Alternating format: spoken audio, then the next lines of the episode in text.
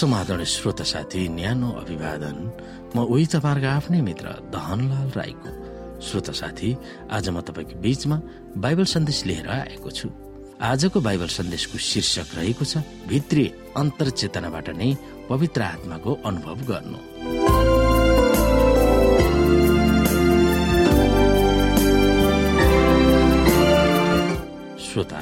मेरो प्रार्थनामा तिमीहरूलाई सम्झना गर्दै तिमीहरूका निम्ति धन्यवाद दिन म थामिन्न। म प्रार्थना गरिरहन्छु कि हाम्रा प्रभु श्री ख्रिस्टका परमेश्वर महिमाका पिताले तिमीहरूलाई उहाँको विषयको ज्ञानमा बुद्धि र प्रकाशको आत्मा देऊन् भनेर एफिसी अध्यायको सोह्र र सत्रमा लेखिएको छ।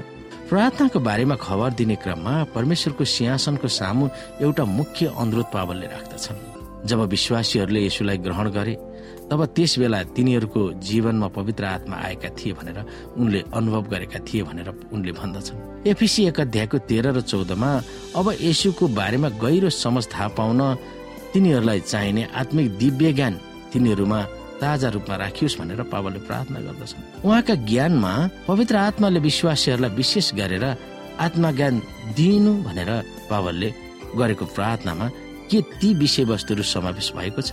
यहाँ सत्रमा हामी हेर्न सक्छौँ एफिसिएको म प्रार्थना गरिरहन्छु कि हाम्रो प्रभु ख्रिसका परमेश्वर महिमाका पिताले तिमीहरूलाई उहाँको विषयको ज्ञानमा बुद्धि र प्रकाशका आत्मा दियो।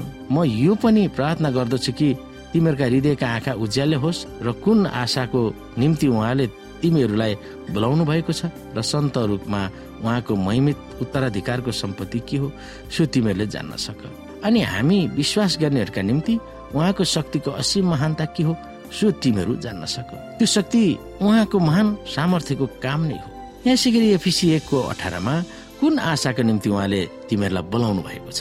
त्यसको भित्री आत्मज्ञान तिमीहरूमा होस् भन्ने तिनीहरूको निम्ति प्रार्थना गर्ने क्रममा तिमीहरूको मुक्तिको निम्ति परमेश्वरले विगतमा के गर्नुभयो त्यसको बारेमा पनि उनले तिनीहरूलाई सज्ज गराउँछन्। र तिनीहरूको निम्ति तयार पारिएको महिमित भविष्यको ज्ञान पनि तिनीहरूमा घुसोस् भनेर उनले प्रार्थना गर्दछन्।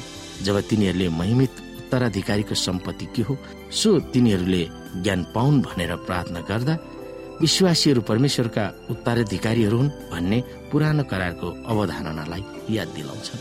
यहाँनिर व्यवस्था नौ अध्यायको उन्तिस व्यवस्था बत्तीस अध्यायको नौ जकरिया दुई अध्यायको बाह्रसँग एफिसी एक अध्यायको एघार तुलना गर्न सक्छौ हामी। तिनीहरूले परमेश्वरबाट उत्तराधिकारी पाउने सम्पत्ति मात्र होइन तिनीहरू नै परमेश्वरका सम्पत्ति वा उत्तराधिकारी हुन् भनेर तिनीहरूले बुझोस् भनेर उनले चाहेका थिए। परमेश्वरको सामु तिनीहरू कतिको अमूल्य छन् सो तिनीहरूले बुझोस् भन्ने उनको इच्छा थियो। हामी यहाँ व्यवस्था नौ अध्यायको उन्तिसलाई हेरौँ श्रोता। तर आफ्नो ठुलो शक्ति र निज हात पसारेर निकाली ल्याउनु भएको तिनीहरू तपाईँको प्रजा र तपाईँकै निज उत्तराधिकारीहरू हुन्। यसै गरी व्यवस्था बत्तीसको नौ पनि हामी हेरौँ। परम प्रभुको निज हिस्सा उहाँका मानिसहरू हुन् याकुब उहाँका अंशको भाग हुन्। यसै गरी हामी जकरिया दुई अध्यायको बाह्र पनि हेरौँ। परम प्रभुले पवित्र देशमा यहुदालाई आफ्नै भाग गरी अधिकार गर्नुहुनेछ र एरुसिलमलाई फेरि चुन्नुहुनेछ। योसँग हामी एफिसीको पुस्तक एक अध्यायको एघारलाई तुलना गरौँ। यहाँ एफिसी एक अध्यायको एघारमा उहाँमा जसले सबै कुरा आफ्नो इच्छाको योजना अनुसार पूरा गर्नुहुन्छ। आफ्नो अभिप्राय अनुसार। श्रोत साथी अनि हामी विश्वास गर्नेहरूका निम्ति उहाँको शक्तिको असीम महानता के हो सो तिमीहरू जान्न सक भनेर एफिसी एक अध्यायको उन्नाइसमा लेखिएको छ। यो भनेर पावलले प्रार्थना गर्दा तिमीहरूका तिमीहरूमा हुनुपर्ने भित्री आत्मा ज्ञानको बारेमा चाहना व्यक्त गरेका थिए। परमेश्वरको शक्तिको महानता पवित्र आत्माले तिमीहरूमा ल्याउन् भन्ने उनले कल्पना गरेका थिए। त्यो शक्ति विश्वासीहरूले अनुभव गर्न सकुन् भन्ने उहाँको प्रार्थना थियो।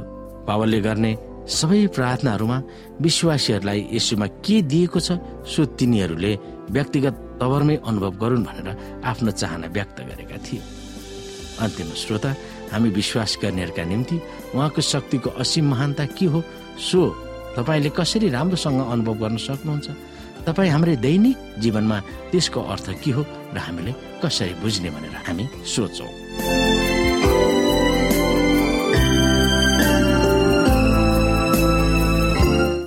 श्रोत साथी आजको लागि भाइबल सन्देश यति नै।